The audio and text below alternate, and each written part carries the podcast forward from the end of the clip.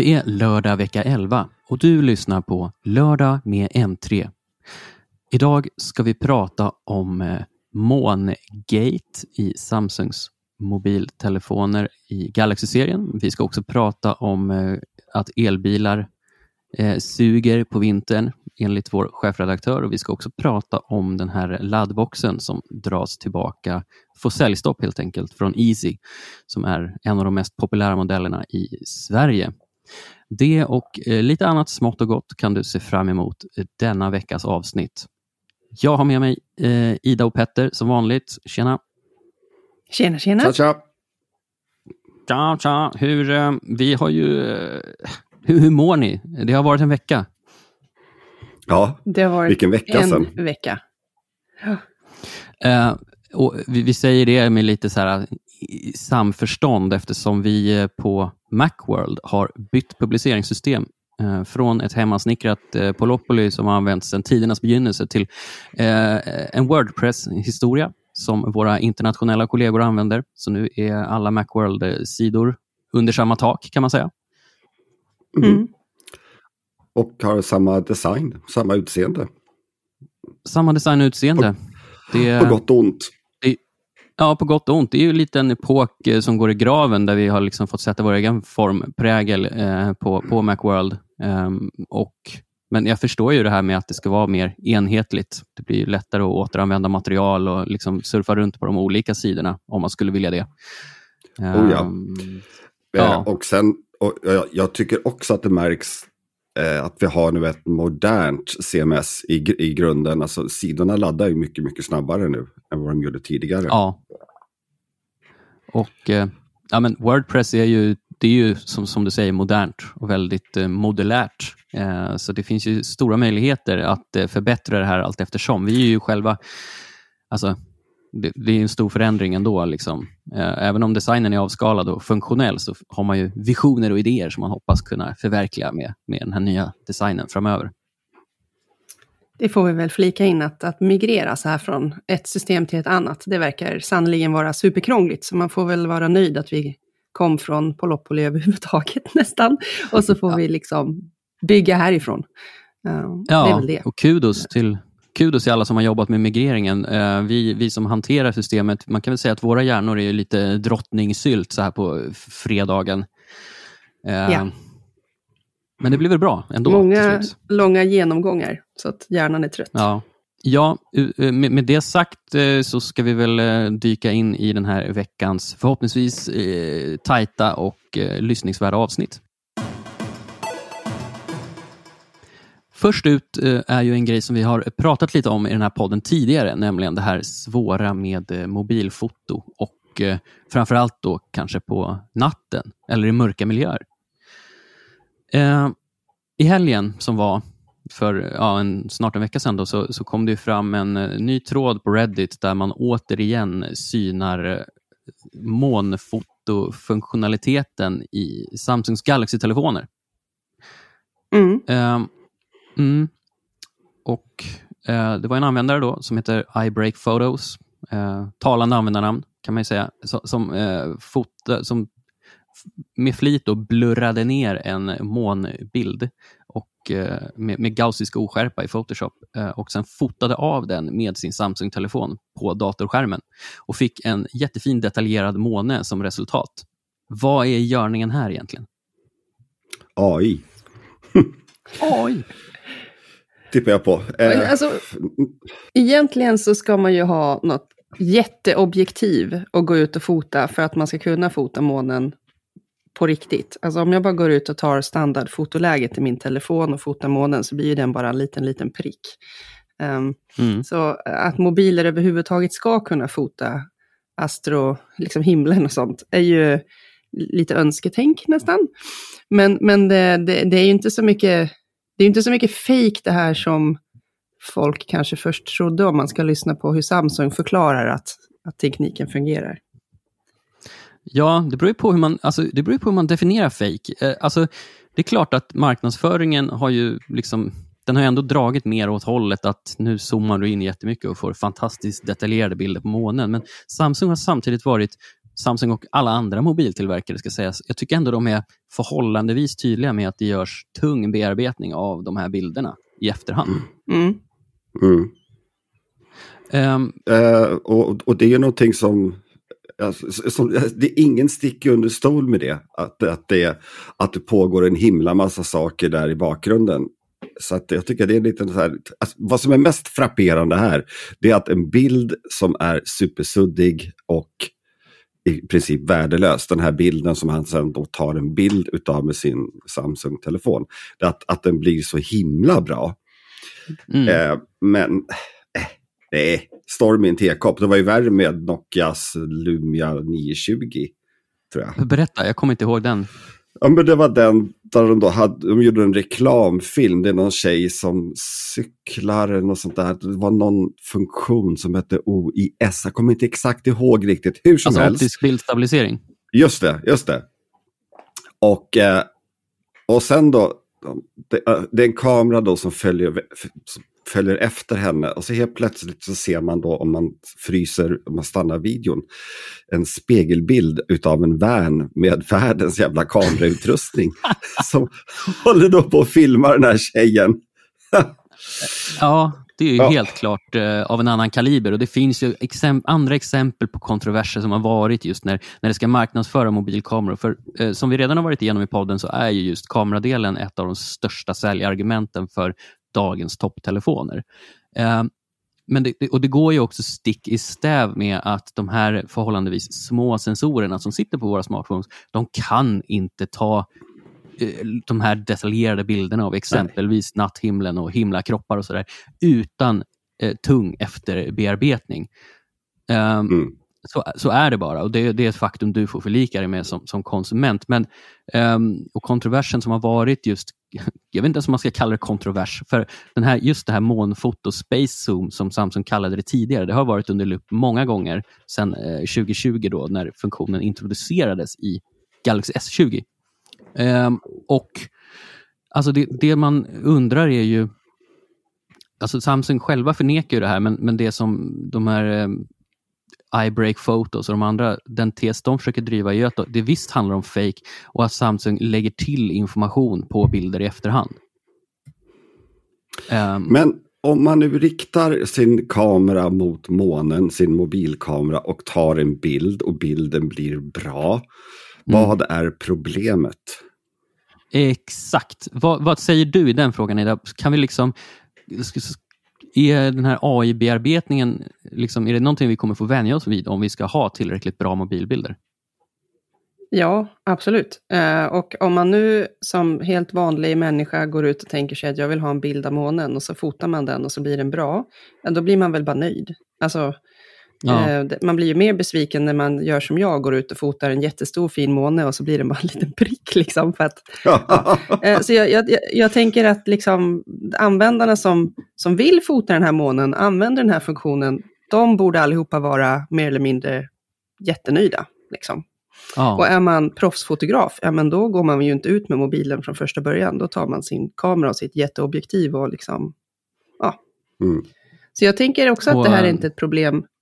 Det blir ett problem när vi, som vi var inne på förra gången när vi pratade om de jävla TikTok-filtrerna. Det tycker jag är ett värre problem än att Mm. någonting du faktiskt Ja. vill fota får hjälp att bli så bra det kan bli. Liksom. De har ju inte... Och, ja. eh, Nej, och men, liksom, man kan väl att Samsung, Samsung själva, de har ju, de reachade ju ut till, vi skrev ju om det här, Eh, men också, alltså det blev en ganska stor grej eh, där, där olika teknikmedier valde att beskriva Alltså, de såg det, det var olika grader av kontroversiellt det här som Samsung gjorde och Samsungs eget svar eh, lyder ju så här då. Eh, att när en användare tar en bild på månen så känner den AI-baserade scenoptimeringstekniken att månen är huvudobjektet och tar flera bilder för att komponera ihop flera bildrutor. Därefter förbättrar AI detaljerna i bildkvaliteten och färgerna. Den lägger inte på någon bild över ditt foto. Användare kan stänga av den AI-baserade scenoptimeraren, vilket inaktiverar automatiska förbättringar av detaljerna i foton tagna av användaren. Det är liksom, så är det. Ja. Ehm, och Och det borde Det är väl, väl också- räcka långt då för folk kan stänga av det här. Ja, precis. Och då kanske man inte får sina sexiga norrskensbilder, eh, som det har varit mycket nu på sistone i sociala medier. När det har, vi är ju norrskenstider. kommer folk börja klaga på det istället, att bilderna ja, blir dåliga. Ja, nej, ja. non-issue. Non-issue, eh, men det är intressant ur ett bredare perspektiv tycker jag, just det här med, med de här olika typerna av AI-verktyg som finns nu för text och bilder och, och fotobearbetningar, så att man i allt högre utsträckning kan börja ifrågasätta vad som är verkligt och inte. Mm. Mm. Och på den, eh, eh, just på den eh, punkten så kan vi lika gärna beta av de här andra två grejerna. Och två andra nyheter i veckan är ju att några av de här stora AI-verktygen för att skapa text och bilder och annat innehåll har ju fått uppdateringar. Vi har en lansering av GPT-4 som alltså är en uppföljare till GPT 3,5 som sitter i Microsofts Bing bland annat. Det går snabbt nu. Just det. Mm. Ja. Um, där en av nyheterna är ju att eh, GPT-4 då kan tolka information i bilder.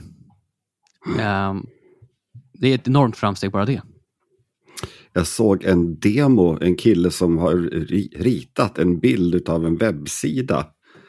Mm. Eller, eller han har ritat hur han vill en webbsida ska se ut. Och så ja, en design mockup liksom. Ja, just det. Och sen så tar han då och lägger in den bilden då i eh, GPT-4 och den mm. skapar en webbsajt utifrån hans teckning. Det är ju, det var ju, nu, jag såg också den här videon, den är väldigt simpel. Eh, men, men alltså tänk, tänk alltså, det här är ju, du kan ställa allting på sin spets. Liksom. Eh, ja.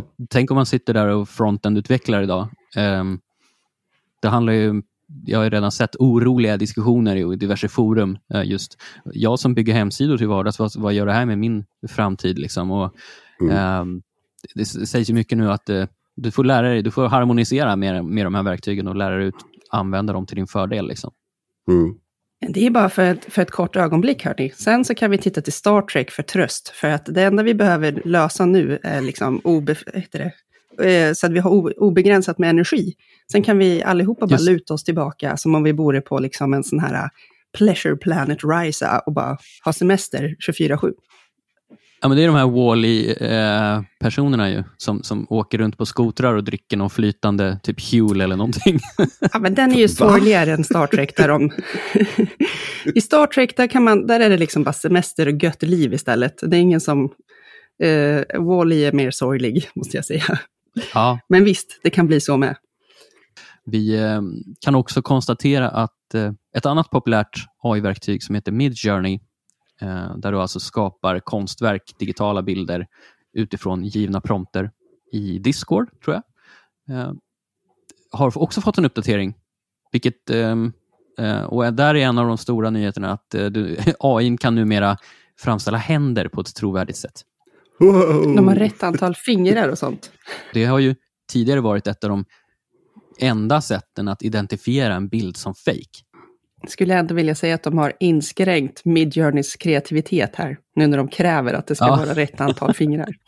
Men, men ehm, just på det här temat då, att det blir svårare och svårare att avgöra vad som är äkta och inte. Nu kan vi alltså i framtiden inte ens titta på avbildade framställda människors händer för att räkna ut att en bild är fake. Eh, jag börjar ju känna så att eh, det, det, kan inte bli en personer som har en tendens att eh, eh tänk om, som, som paranoid och liksom ifrågasättande, lite foliehattig. Man går en tuff framtid till mötes med de här nya AI-verktygen. Kommer bli, eh, alltså en, det kommer bli ännu viktigare för, för nyhetsmedier att verkligen kunna visa att Alltså de måste, de måste bli än mer trovärdiga jag har inga problem med nyhetsmedia idag. Alltså jag anser att de är trovärdiga. Men ta till exempel i USA där allting är otroligt polariserat. Mm. Alltså, vad kommer att ske där då med nya deepfakes etc. som kan göras och bilder som kan skapas och gud vet vad.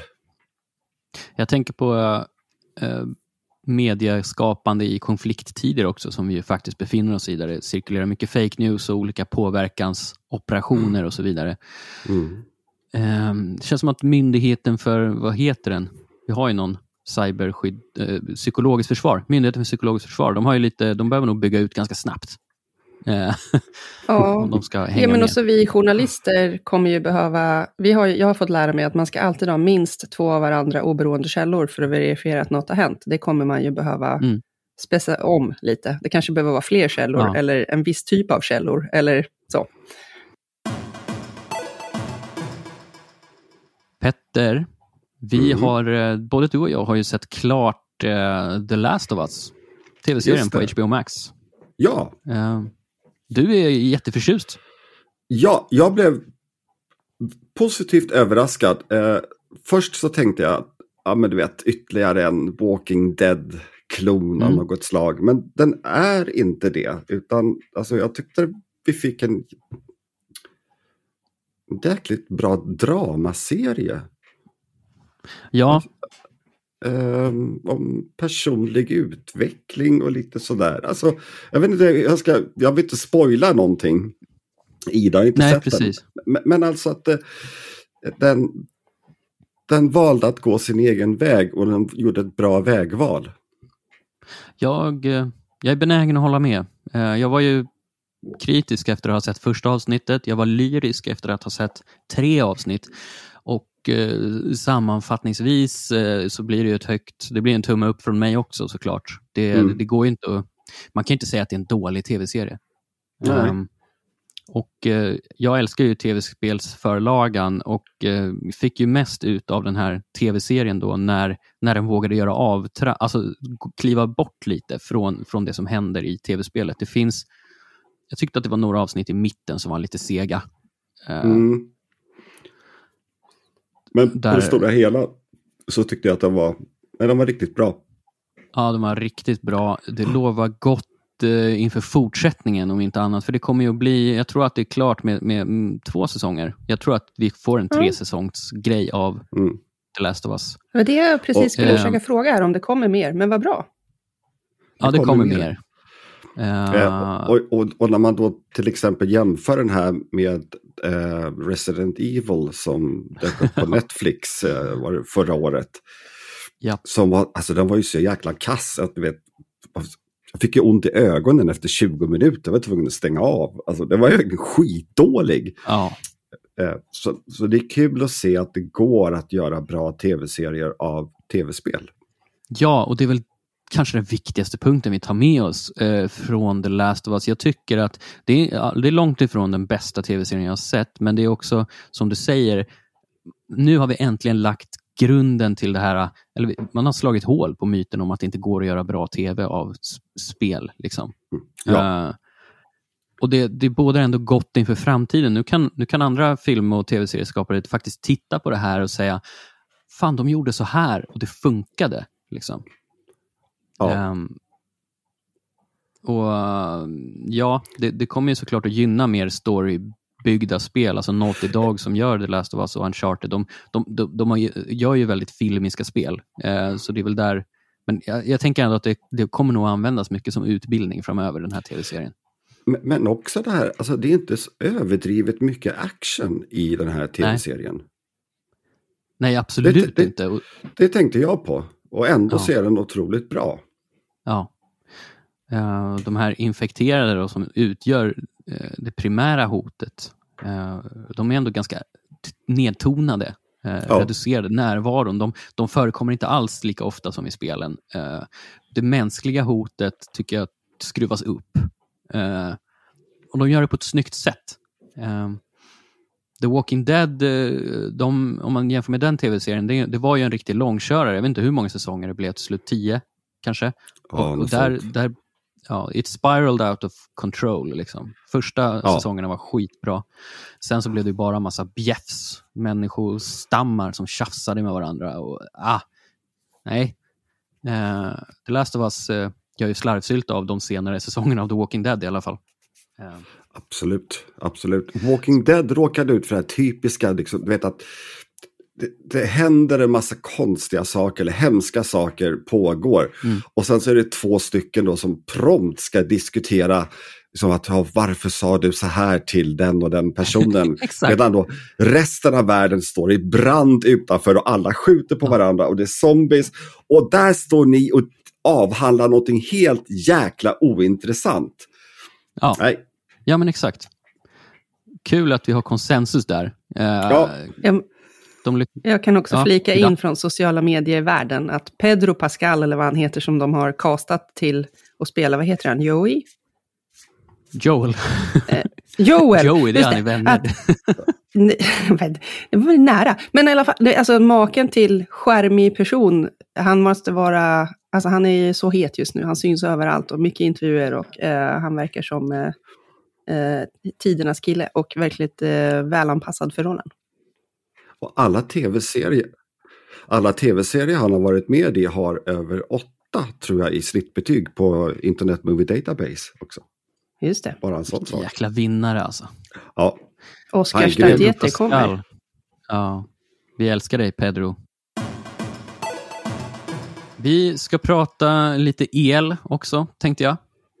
Um, det gillar vi. Ja, vår, vår vecka, alltså mest läst hos oss på M3 i veckan blev ju vår chefredaktör Mickes krönika om att elbilar är värdelösa på vintern och den har rört upp känslor minst sagt. Det har varit, han har, hans inkorg har varit upptagen kan man säga. Vad, eh, jo, det handlar ju om att eh, han upplever då att vi inte har han, han kör, testar ju väldigt mycket elbilar och i ganska krävande klimat också. Han är mycket uppe i Norrland och kör och slirar. Och han, han, eh, han tycker inte att det finns någon riktigt Sverige, sven, svensk vinteranpassad elbil. Um, och jag tänker Ida, du som är den här trions elbilsexpert, kan inte du plocka isär hans krönika lite? Ja, men, eh, först måste jag väl säga att, att eh, jag håller nog... Eh, alltså, samhällspremissen just nu, att alla ska köra elbil, den är fel. Och därför mm. så får väl Mickes krönika så fruktansvärt mycket respons också, för att vi som sitter typ som jag gör här i Stockholm, har massor av tillgång till laddare och kanske inte åker så mycket långa sträckor. Det går an med en elbil fastän det är minus 15. Men bor man liksom mm. uppe i, i Sundsvall där det blir minus 30 ibland kanske om man ska åka till, sin, till jobbet så här 20 mil bort, då är en elbil ett skitdåligt alternativ. Uh, och, mm. och, då när liksom vi har så här, politiker som står här i Stockholm och säger Åh, alla ska ha elbil, nu får ni massa bidrag och bonusar och skattesänkningar, gud vet vad, om ni köper elbil. Ja, men då förstår jag att liksom Per uppe i Norrland blir skitförbannad. Mm. Um, och, och Mickes problem blir ju också så här att när han testar en elbil på sommaren, ja då funkar den jättebra. Och sen testar han en elbil på vintern, nej, då tappar den en massa räckvidd och han kommer inte så långt och värmen i kupén blir aldrig bra. Alltså, det är mycket grejer som är dåligt på elbilar mm. uh, på vintern. och det, mm. det är liksom egentligen bara fakta. Så är det, de är inte gjorda för vinter. Men, men eh, ett av Mickes problem det är väl att den här, vet du WLPT, va? Heter det så? Just det, eh, ja. När de det, räknar ut eh, en, en ungefärlig räckvidd för, för bilen. Precis. Lite som typ Apple säger, att... så här mycket batteritid kan du få från en Macbook Pro, så säger elbilstillverkarna, ungefär så här långt kan du köra. Mm. Ja, men i elbilstillverkarnas fall så verkar det vara att det där inträffar om det är en helgfri söndag och det står vid en korsväg med solen i ryggen.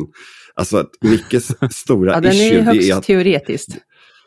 Ja, men att, inte, att de inte har någonting som kanske är mer anpassat för Sveriges, Sveriges klimat. Varför kan de mm. inte ha alltså, det? Jag tror det som är svårt är att, att nu kör jag en Tesla. Och när jag sätter mig i den och börjar köra, då ska den göra en uppskattning av hur långt jag kan komma givet mina nuvarande förutsättningar. Typ hur mycket det blåser, hur kallt det är och hur mycket uppförsbacke jag kör i och sånt där. Och en del av bilarna gör ett skitdåligt jobb på att uppdatera den där siffran. Så att om jag kör en, mm. kanske en billig bil eller en, jag vet inte, var, olika märken gör ett olika bra jobb på att uppskatta det här. Tesla har generellt varit ganska duktiga på det där tycker jag, men, men eh, de är inte jättebra på vintern. Jag får liksom själv lista ut att jag kommer få 20% sämre kanske. Eh, så mm. där finns ju helt klart något som de, de har att finslipa på. Att, alltså det handlar inte så mycket om vad, vad det står i spesarna när du köper den, utan vad, vad som händer när du sätter dig och börjar köra. Ja. För du får en siffra på skärmen och den, den måste man ju kunna lita på. För annars kan man inte ja. veta så här, ska jag ladda om 10 mil eller om 5 mil? Det är ganska så, man, man vill ju inte bli stående någonstans. Nej, men jag skulle säga att det, liksom, det är väl biltillverkarna som behöver jobba på och bli bättre på att göra de där uppskattningarna. Och de kanske ska sluta och testköra sina bilar i typ bara Kalifornien där det är soligt och varmt. De får väl åka hit och Mm. göra lite tester också så de kan få ett eh, bättre underlag till sina, eh, an, vad heter Ja, det, sina för jag modeller. tänker om, om vi då ska dra den här omställningen till sin spets, då behöver det ju finnas, alltså förutom då att det behöver, jag menar, tittar man, alltså det, det kommer ju att komma en tidpunkt när elbilar funkar bra i kyla, så är det bara, titta på, ja, men titta på passagerarflyg som flyger liksom Mm. 40, alltså flera kilometer upp i luften där det är liksom 60 minusgrader. Visst, de får ibland problem med igenisade verktyg och sensorer och sådär, men det löser sig oftast. Eh, Mm. Tekniken kommer att komma på plats för, för att eh, anpassa de här bilarna efter svenska klimatförhållanden. Eh, men till dess så håller jag absolut med om att det behöver, liksom, jag tror att vi behöver eh, ange de här olika räckvidderna och så vidare. Det behöver anpassas för flera olika scenarion. Ja, och sen ska väl politikerna sluta tvinga på eh, folk eh, en lösning som inte riktigt är färdig. Alltså det är väl, det är väl Mm. jättebra att vi i storstäder byter till elfordon, för vi behöver oftast inte någon jätteräckvidd och allt det där. Och sen Nej. får väl de som bor ute på landet och har långt att köra och mycket minusgrader och allt det där, då ska väl de få en lösning som funkar för dem och då kanske typ laddhybriden är en möjligt alternativ, eller så får de väl köra sina fossilbilar. Totalt sett kommer det ju ändå minska Mm. så länge vi i storstäderna slutar köra korta sträckor med, med liksom fossilbränsle. Mm. Kruxet är ju bara det här, alltså med, med det som du säger Ida, alltså jag håller ju med i sak, men alltså, för många så finns det finns ju ingen ekonomi att köpa en elbil. Nej. Alltså, Nej, vet, men, jag- men det finns ju, alltså, det kan vi ju jag- också se så här, Vo- Volvo on demand till exempel, där du bara hyr och lånar en bil för den stunden du behöver den. Sånt funkar ju också i en storstad. Du kanske inte behöver äga elbilen i fråga. Eh, Mm. men eh, ja, så det finns ju många, många små lösningar som kommer bidra till helheten. Man ska bara sluta tänka så generellt och tvinga på alla samma lösning. Liksom. Bra sammanfattat. Vi ska prata, vi stannar kvar vid det ämnet lite, elbilar. För veckans kanske största nyhet som också nådde kvällstidningsnivå, det är ju att eh, en eh, väldigt populär eh, laddbox för elbilar har säljstoppats av Elsäkerhetsverket. Mm. Eh, it's a pretty big deal. Ehm, och det är ju då modeller från Easy. Eh, jag kommer inte ihåg exakt vad de heter. Easy Home. Easy Home och Easy Charge. Easy Home och Easy Charge. Och, Yes. Har de blivit superpoppis för att de också råkar vara väldigt prisvärda? ja. eh, Sånt, sånt hänger ju så är gärna ihop när Elsäkerhetsverket börjar sen syna saker i sömmarna.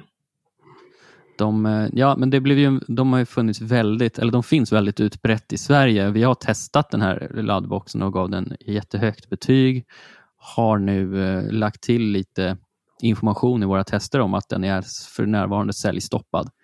Eh, Mm. Och Anledningen till det här då, som Elsäkerhetsverket har hakat upp sig på är ju att eh, den här jordfelsbrytaren är eh, delvis, alltså det är en av anledningarna, det är att jordfelsbrytaren är helelektrisk istället för elektromekanisk.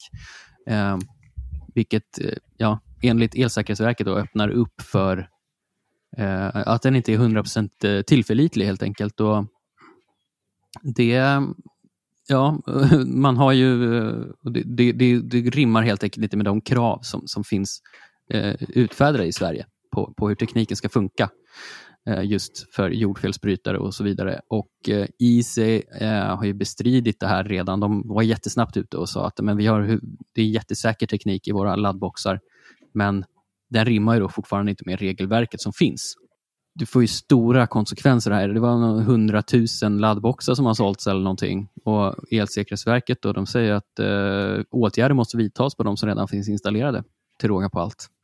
Och ja, det, det, det, det är... Är, det en fråga om att Elsäkerhetsverket är förlegade, inte hänger med i sin utveckling? För de här har ju då en digital... Eh, Mm. Vad heter det? Den där- Jordfelsbrytare. Jordfelsbrytare, tack, Eh, tack, ja. tack. Eh, eller är det så att eh, Elsäkerhetsverket, de, alltså, jag har alltid tyckt att de verkar ha koll på saker och ting. Alltså är, är, det, är det här, är det ett riktigt issue eller är det bara att Elsäkerhetsverket aldrig har testat digitala jordfelsbrytare? Jag vet inte, alltså Elsäkerhetsverket har ju ett regelverk att förhålla sig till. Det är det som är så charmigt med myndighets-Sverige, att även hur, hur, säkert eller bra någonting kan framstå. Så att så länge det inte rimmar med det regelverk som finns så, så, så blir det så här. Och Det är mm. det som Easy ställer sig emot. Eh, de har överklagat säljstoppet. Så just nu befinner sig hela ärendet i någon slags ja, strid. Och, eh, Men är det de inte har så då att Easy har kommit till marknaden med en produkt som inte alltså, som inte är laglig just nu, men den skulle säkert kunna bli det då om de får till någon regeländring. Liksom. Det är väl det de, därför de håller på att överklaga ja. då, för de menar att ni borde tillåta vår produkt. Um, mm. Så jo, det kanske, exakt. det kanske och, löser sig då.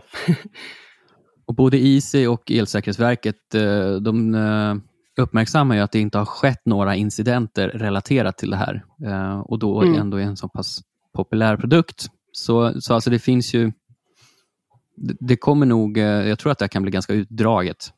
Och jag tycker mm. mest synd om de ägarna då som, nu har ju rekommendationen från Elsäkerhetsverket är ju att, att du kan fortsätta använda den, liksom. Men, men IC kommer att behöva fixa det här.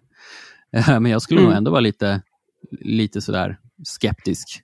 Det är klart att anseendet skadas och, och gentemot själva produkten också. Att såg också att eh, någon som äger en sån här laddbox var liksom ute på sociala medier och frågade om de nu får pengarna tillbaka och sånt där. Om det nu slutar med att de inte får rätt och laddboxen skall bort från marknaden, då, är ju, mm. då går väl det här bolaget typ i konkurs och så är det massor av laddboxägare där ute som bara, jaha. Och eh, för dig som vill veta mer om det här förbudet, jag, jag kan verkligen rekommendera vår eh, branschkollega Peter Esse som, som gick ut med en Youtube-video om det här igår. Eh, han har redan fått 17 000 visningar på den och han förklarar väldigt pedagogiskt vad som är problemet här. Titta gärna på hans video om, om eh, ehm, i sig laddboxen. Han har också, jag pratade med honom här precis innan vi spelade in och han, det kommer mer eh, videoinnehåll på, eh, på just den här laddboxen som definitivt kommer att engagera dig som användare av de här produkterna. Efter att podcasten spelades in idag så tog vi även ett snack med våran egen huselektriker, skulle man kunna säga, Niklas Hallin, eh, om följderna och konsekvenserna eh, som rör det här eh, Easy Gate, eller vad man ska säga. Så gå gärna in på vår Youtube-kanal eh, m3.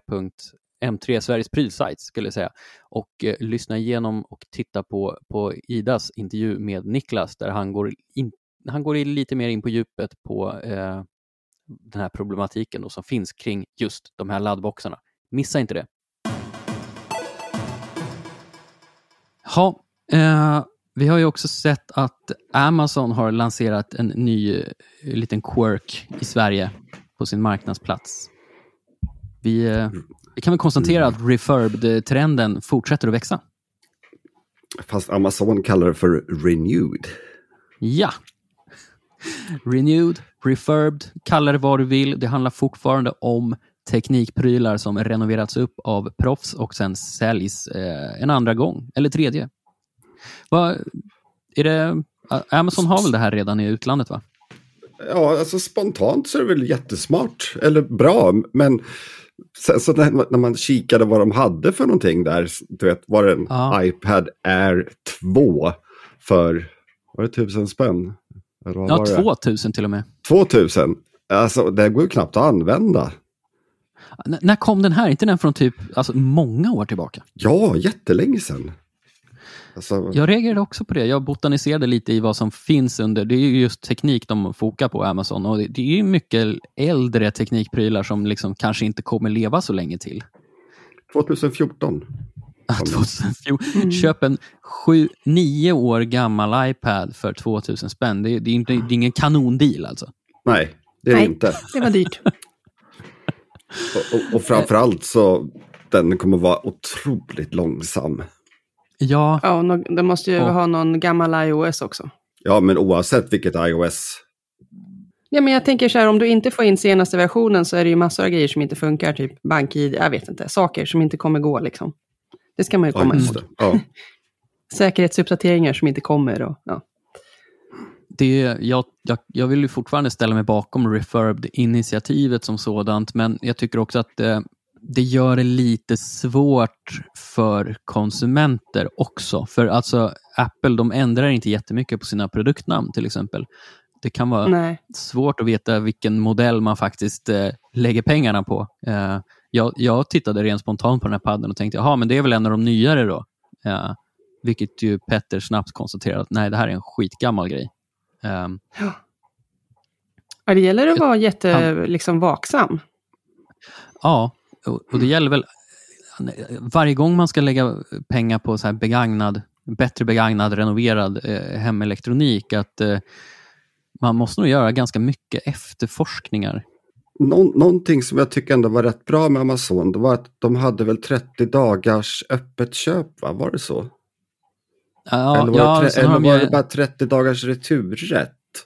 För, vad- Kan alltså, vara. vad, jag, vad jag tänkte var det att om man då köper en iPad Air 2 Mm. och vet, packar upp den och upptäcker vad fan, det här går ju inte. Att man kan skicka tillbaka den. Men frågan är om, om ja. Eh, det är väl bra.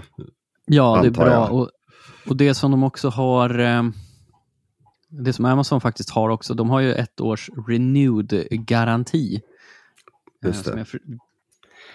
Alltså jag måste ju säga det att jag köper ju faktiskt hellre en produkt från Amazon eller någon av de här andra tjänsterna där någon faktiskt har tittat på produkten och tar lite ansvar för den än att gå och köpa en på typ Facebook Marketplace Ja. eller Blocket som, Ja, där man inte har någon som helst clue. Liksom. Exakt. Eh, Mm. iPad Air 2, 16 GB wifi, eh, kostar, eh, renoverad då, kostar 2099 kronor om du köper den idag, renoverad. Just den Mm. är ju en skräpdeal, men förhoppningsvis dyker det upp några mer bättre saker. Mm. Och något som man också ska, som Amazon skriver eh, här, är att man ska vara medveten om det, att fabriksrenoverade telefoner och surfplattor, de är inte garanterade att vara vattentäta till exempel. Så eh, Ja, men det får var du ju en bra problem med upplysning. fukt, ja, får du problem med fukt så kan det ju bli lite mäckigt, helt enkelt. Men de har ju ett års renewed-garanti, då, vilket ju är ändå ganska generöst, måste jag säga. Hur långt, hur långt har, vet du de, Swappy? Hur lång garanti har de? Swappy har, eh, åtminstone på, på sina iPhones, har de ett års garanti också. Så det är en konkurrenskraftig eh, garanti då. Eh, Mm. Och alltså jag tycker det är så kul att se ändå hur mycket eh, satsningar som görs på det här området. Ja, men verkligen. Även om det, det som kanske framförallt Amazon behöver nog eh, fila lite på sin prissättning. Jag tycker att det, många av de här renoverade produkterna är ganska dyra. Och Mm. jag, jag, det finns många, om jag tittar här bara snabbt, så det- i många av fallen hade jag gärna lagt en tusenlapp eller två till för att få en helt ny pryl. Eh, iPhone 12 mini renoverad, eh, 64 GB, kostar 5 lax. Eh, iPhone 12 är ju inte direkt purfärsk. Fast jag undrar om inte du får ungefär samma prisnivå där på Facebook och sånt, Tradera och sånt. Ja, De har, just iPhones har ju en tendens att ha jäkligt högt andrahandsvärde länge. Ja, så är det för, förstås. Man kan också köpa en spelmus från ett no-name-företag för 257,48 kronor. Älskar Amazons ören. Mm. Då får man ju utgå ifrån att de har bytt liksom brytare och sådär, så det, är- det är klart att den, eh, den lär väl hålla säkert länge. Eh, eh, men in du som är intresserad och botanisera i det här utbudet som Amazon har, det, det finns både bra och dåliga deals kan man väl sammanfatta det som. Vi eh, ska väl återgå, tror jag, till att träna oss på det nya publiceringssystemet för Macworld. Jag, eh, jag tycker det ska bli jätteskönt med helg. Eh, det har varit mycket den här veckan. Verkligen. Jag är stolt Mm. över oss, att vi ens fick ihop ett avsnitt. Och det, det är Formel 1-helg också. oh, Formel 1-helg, jag kunde inte bry mig mindre, men jag vet att du bryr dig. Så det låter helt fantastiskt. Men, men Billy, får jag lov att vara svinförbannad innan vi lägger på? Eller avslutar? Ja, just det, du är arg. Du är arg. Ja, jag, Veckans alltså, jag är väldigt sällan arg. Men, men nu är jag arg. Så jag vill, jag vill, jag vill ta Ja. chansen nu och vara arg. För det kommer dröja ett tag till nästa gång kanske. Nej, men Kör, kör, eh, kör. Jag, jag har förut varit fett pepp på trådlös laddning av min mobil. Eh, och tänkt Ja. så här, gud vad skönt, slippa hålla på och peta in en sladd i mörkret typ och så hittar man inte eh, kontakten helt. Ja. Mm. Skaffade trådlösa laddare till massor av eh, hörnor i mitt hus. Och det funkade ganska bra fram tills kameramodulerna började bli jättestora. Eh, nu funkar det skitdåligt för att mobilen ligger aldrig rätt tydligen. Och så har man vaknat på morgonen och så har man ingen laddning. Jag gick till jobbet Mm. igår med 14 procent på mitt batteri fastän den har legat på sin laddgrej hela natten och jag är 99 procent säker på att den låg korrekt och, och jag såg min lilla blixtladdningsikon när jag somnade. Ja, det är Eh, kamerabumparnas fel alltså. Ja, och den här trådlösa laddaren jag har, den har dessutom en jävla magnet som liksom skall hjälpa mobilen till rätt ställe. Och det funkar inte Mm. så bra på grund av den där jävla kamerabumpen. Eh, och sen så säger en del då, um, Mofi och eh, sen har jag den eh, med magneten är eh, en Lenovo så här, väckarklocksgrej som de har med Google. Um, Ah, okej. en, det är en, en, liksom en avlång platta bara, så jag tycker inte den borde vara sämre än min runda Mofi-laddare som också har lite samma problem. Men där är, tror jag kamerabumpen sticker lite mindre utanför. Mm? Jag har en Satechi eh, som har då så här liten rund platta som bara suger fast telefonen. Eh, och så laddar den också klockan och Men- mina Men står AirPods. den upp, Satechi-grejen? Japp. För det tror jag Den gör funkar. hela skillnaden. För då, Ja, då, kan den liksom inte, då kan den inte hamna fel egentligen. Men när, du, när den ligger ner så har den liksom någon sorts glid. Ehm, ja, det är lite krångligare. För det är också några som direkt säger, men Apples den här MagSafe-sladden är ju fantastisk. Men lös så måste man ju använda två händer för att få loss mobilen därifrån igen. Det kanske är lätt att få på den på den där starka magneten, men sen när du ska ha av den, då, då behöver du fortfarande två händer och då kunde du lika gärna köra med en lightning-kontakt och så vidare. Och jag känner Mm. att här, eh, här har eh, tillverkare och eh, av både laddare och mobil, eh, mobiler något att jobba med. Eh, Men jag tror också att Petters den där lösningen med stående grejer är mycket bättre än de som ska ligga ner. Så jag får väl byta ut alla mina laddare, så jag blir glad och får laddad Ja. mobil på morgonen igen. Mm. Kanske kan köpa Ja. dem refurbed på Amazon. Re, eh, Just det. renewed, förlåt. Just det.